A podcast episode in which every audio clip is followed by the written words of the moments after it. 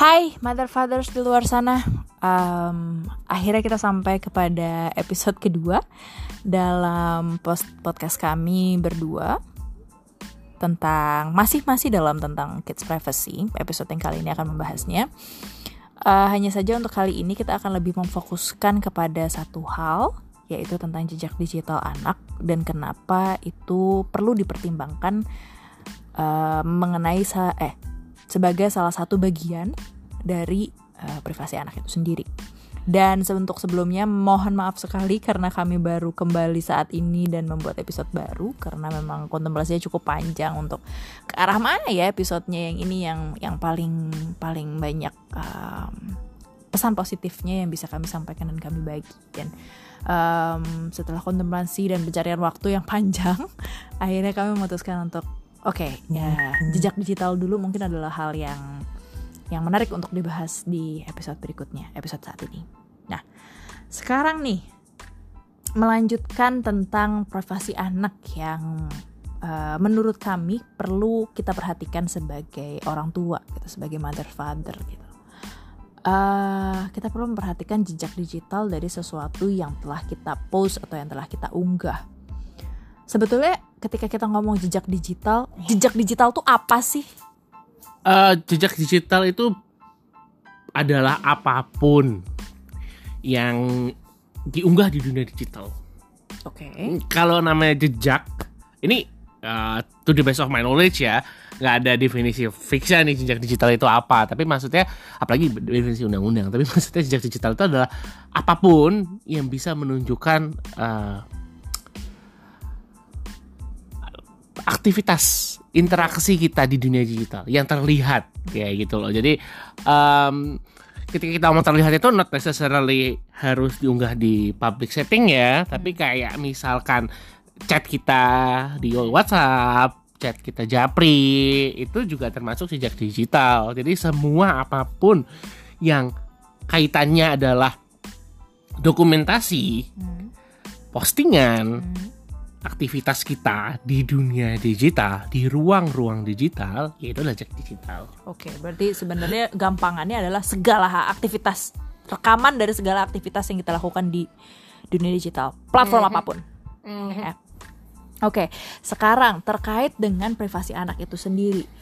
Apa yang paling concerning, apa yang paling perlu kita perhatikan dari jejak digital dan hubungannya dengan privasi anak? Oke, okay, uh, itu layered nih questionsnya. Jadi pertama jejak digital dulu. Jejak digital itu sekarang adalah hal yang paling dilihat ketika kita akan menentukan um, bagaimana cara kita berinteraksi sama orang. Oke. Okay. pasti kan tahu nih sekarang ada perusahaan yang kalau mau rekrutmen akan melihat profilnya hmm. atau kayak misalkan kita mau apply visa yes. ya kan ada yang harus provide uh, atau menyediakan user accountnya. Tapi sesimpel kita belanja sekarang banyak loh toko yang minta username kita untuk uh, account Instagram atau Facebook gitu. Mm -mm, itu bisa dibahas nanti selanjutnya. Oke. Okay, Tapi maksudnya uh, untuk banyak-banyak hal, jadi beda nih antara yang tadi kamu tanyain sama yang uh, lagi jelasin adalah kalau yang tadi itu not necessarily ngomong soal jejak digital, tapi lebih okay. mencari kontak kita tuh ke mana okay, gitu. Okay. Tapi kalau misalkan jejak digital itu adalah oh, orang-orang oh, yang melihat konten yang kita unggah di account kita, hmm. orang-orang hmm. melihat konten yang dibuat oleh kita gitu. Hmm. Nah, um, ketika kita, let's say gampangnya lah, kayak lagi di, di kerjaan di kantor kan pasti pengen tahu ini siapa sih orang ini, kita kepo lah, hmm. kita profiling. Hmm profiling di Bahasa LinkedIn, profiling, profiling, ya. profiling, profiling di LinkedIn, profiling di Facebook. Siapa tahu temennya teman, saudaranya teman atau siapa ya teman. Bahasa jalanannya mungkin strip name-nya adalah kepo gitu ya. Iya, oke okay lah. Bahasa okay. bahasa bahasa les profesionalnya adalah kepo. Nah, um, ketika kita kepo, kita kan jadi tahu nih, kita dapat insight, impression. Oh, orang ini kayak gini, A, B, C, D, E. Nah, Bayangkan kalau misalkan postingan kita itu tentang anak, tentang anak, tentang informasi anak, keseharian anak, keseharian anak, detail hobi, detail Betul. kegiatan, detail Betul. sekolah. Bayangkan ketika itu terlihat oleh orang-orang yang belum tentu kita pengen mereka melihat Oke. gitu. Jadi kan itu sudah membentuk satu jejak digital. Hmm. Kalau misalkan hasilnya oke, efeknya oke ya syukur-syukur gitu. Tapi kalau misalnya ternyata tidak kan ya kita tidak ingin itu terjadi. Hmm. Itu yang pertama. Yang kedua kita ngeliat dari Sebentar, sisi berarti berarti ketika ketika membahas poin yang satu itu yang perlu kita benar-benar sadari adalah bahwa kita melakukan hal atau mengunggah atau beraktivitas itu di akun atas nama kita yang belum tentu sebetulnya 100% disetujui sama si anak gitu kan. iya. Oke. Ya, dan belum lagi nih agak-agak subsection ya, subsection dari pertanyaan satu tadi. Anak itu kan kalau misalkan di bawah 13 tahun tidak boleh punya akunnya sendiri. I see, I see. I see. banyak sekali ini sebenarnya akan akan panjang sekali teknisnya kalau kita bicara soal oh, tapi tapi sebetulnya banyak sekali kayak uh, privacy policy terms and conditions dari platform itu mensyaratkan agar anak yang menggunakan harus di atas 13 tahun. Kalau misalkan di bawah 13 tahun itu berarti harus uh, akun atas nama orang tuanya atau didampingi dengan orang tuanya. Gitu. Nah, balik lagi ke pertanyaan yang tadi, ke topik yang tadi. Hmm, Jejak digital. Jejak digital kita sekarang tadi kalau kita tadi ngeliat dari segi mother father nih. Tapi kalau misalnya kita ngeliat dari segi anak, sekarang kita tahu kayak Facebook, ya eh, Instagram dan segala macam itu bisa tagging orang. Mm-mm. Em, anak sebagai bagian dari keluarga itu kan sebagai satu kesatuan kan. Mhm. Ketika itu di tag, ketika itu di- ditampilkan hubungan dan relasinya, kalau misalkan ternyata postingan si orang tua itu eh, baik untuk anak, ya itu syukur-syukur alhamdulillah gitu. Tapi kalau ternyata menurut orang tua itu oke. Tapi kalau anaknya itu bikin malu gitu loh nggak nggak cool banget orang tua gue ngetek ngetek foto ini gitu loh. Eh akhirnya dilihat lah sama teman-teman si anak. Nah ini mesti diwaspadai bagaimana em, efek dari postingan itu ke anak gitu. Belum lagi eh, karena anak itu adalah bagian dari keluarga dan bukan nggak mungkin misalkan anak itu ingin melakukan sesuatu yang akhirnya membutuhkan profilnya dia dilihat oleh gurunya mungkin dilihat oleh eh, mungkin dia mau magang dilihat oleh recruitersnya atau dilihat oleh siapa pun yang akan eh, membutuhkan profiling dia. Uh salah satunya mungkin penerima beasiswa atau apa.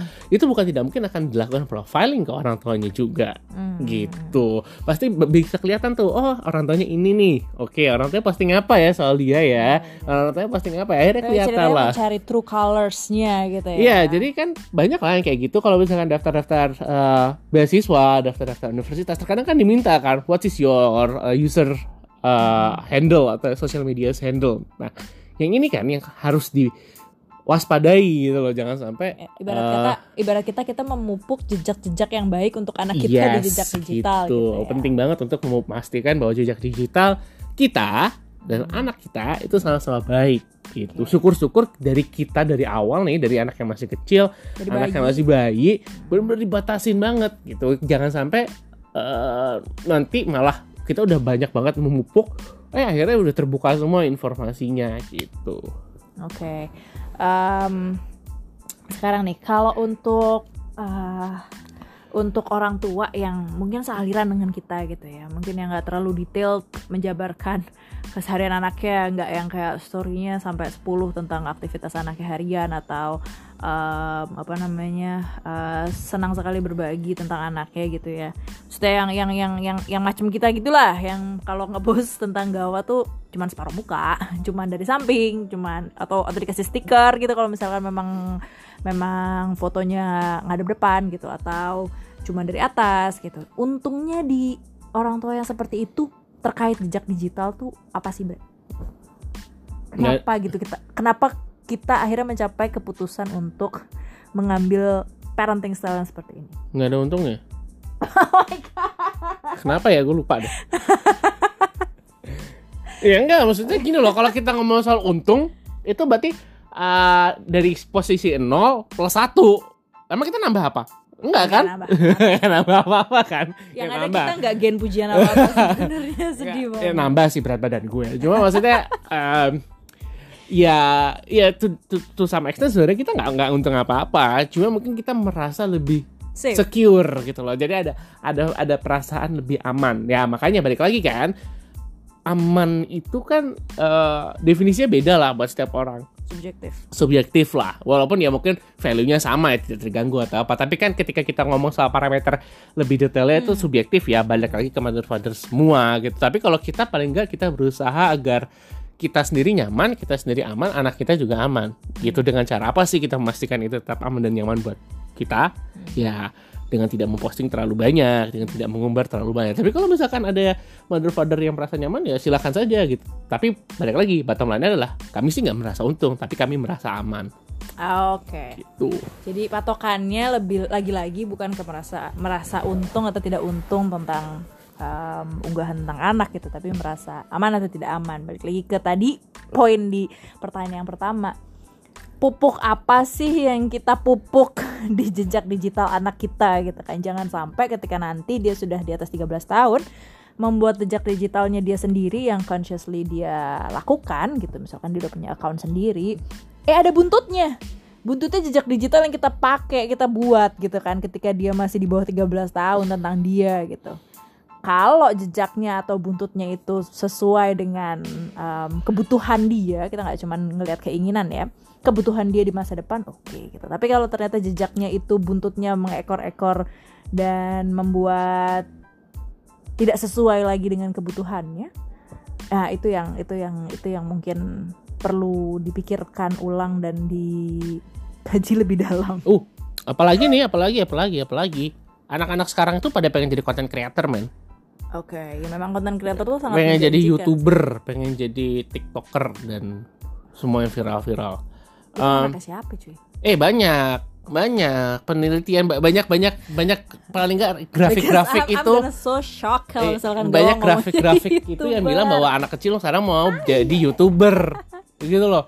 Nah bayangin nih anak jadi youtuber namanya ke expose eh kepo ke sosial media sama bapaknya Hah, buntutnya itu eh, ya? itu dia makanya kalau misalkan gambarnya oke mah nggak apa-apa tapi kalau misalkan ternyata uh, si anak gak suka eh akhirnya subscribernya turun followernya turun kan rugi buat si anak gitu oke okay.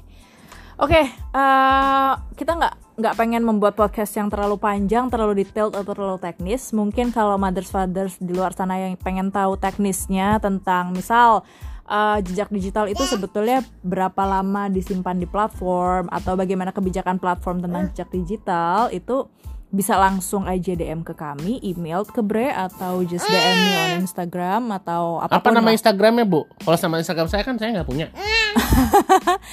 ya nanti akan saya upload podcast ini di Instagram ya. Jadi ya sudah tahu lah di mana saya. Oh iya. Kalau misalkan ada topik yang mau dibahas soal digital parenting, digital yeah. privacy ya juga colek aja si ibu jangan saya. Iya, itu itu itu sangat berguna untuk penentuan episode kita selanjutnya juga nanti mau ke arah mana gitu. Oke, untuk menyimpulkan berarti tentang uh, privasi anak dan jejak digital itu bagaimana jejak digital itu kita membuat jangan sampai kita memupuk hal yang salah untuk anak kita. Jangan sampai kita memupuk hal bukan mungkin bukan salah terlalu harsh untuk berkata salah gitu ya.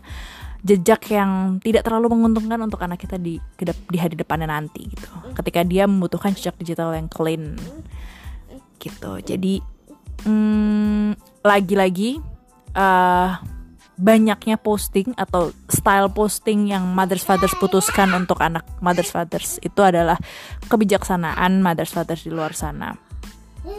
Kata aman untuk kami, patokan aman untuk kami mungkin berbeda dengan patokan aman untuk mothers fathers di luar sana. Jadi kami di sini hanya orang tua biasa juga yang baru baru sekali ini menjadi orang tua dan baru baru baru satu tahun menjadi orang tua. Kami hanya ingin berbagi bahwa untuk kami hal ini penting uh, membuat jejak digital yang aman untuk anak kami. Bagaimana aman itu definisinya untuk mothers fathers di luar sana. Kami akan kembalikan ke mothers fathers. Stay safe, stay healthy, stay healthy, stay wear mask, okay. stay at home. Yeah. Because this is still pandemic. Yeah, this is still pandemic. Okay. Okay, see you soon. I hope mother fathers di episode berikutnya untuk yang tertarik untuk satu pembahasan tertentu colek aja kami. Ke arah mana? Kira-kira yang VDM ya. Iya iya colek VDM kita masih lockdown di sini ya. Um, ke arah mana podcast yang berikutnya? Mothers fathers berkenan kami kulik lebih lanjut. Oke okay, see you soon. Bye bye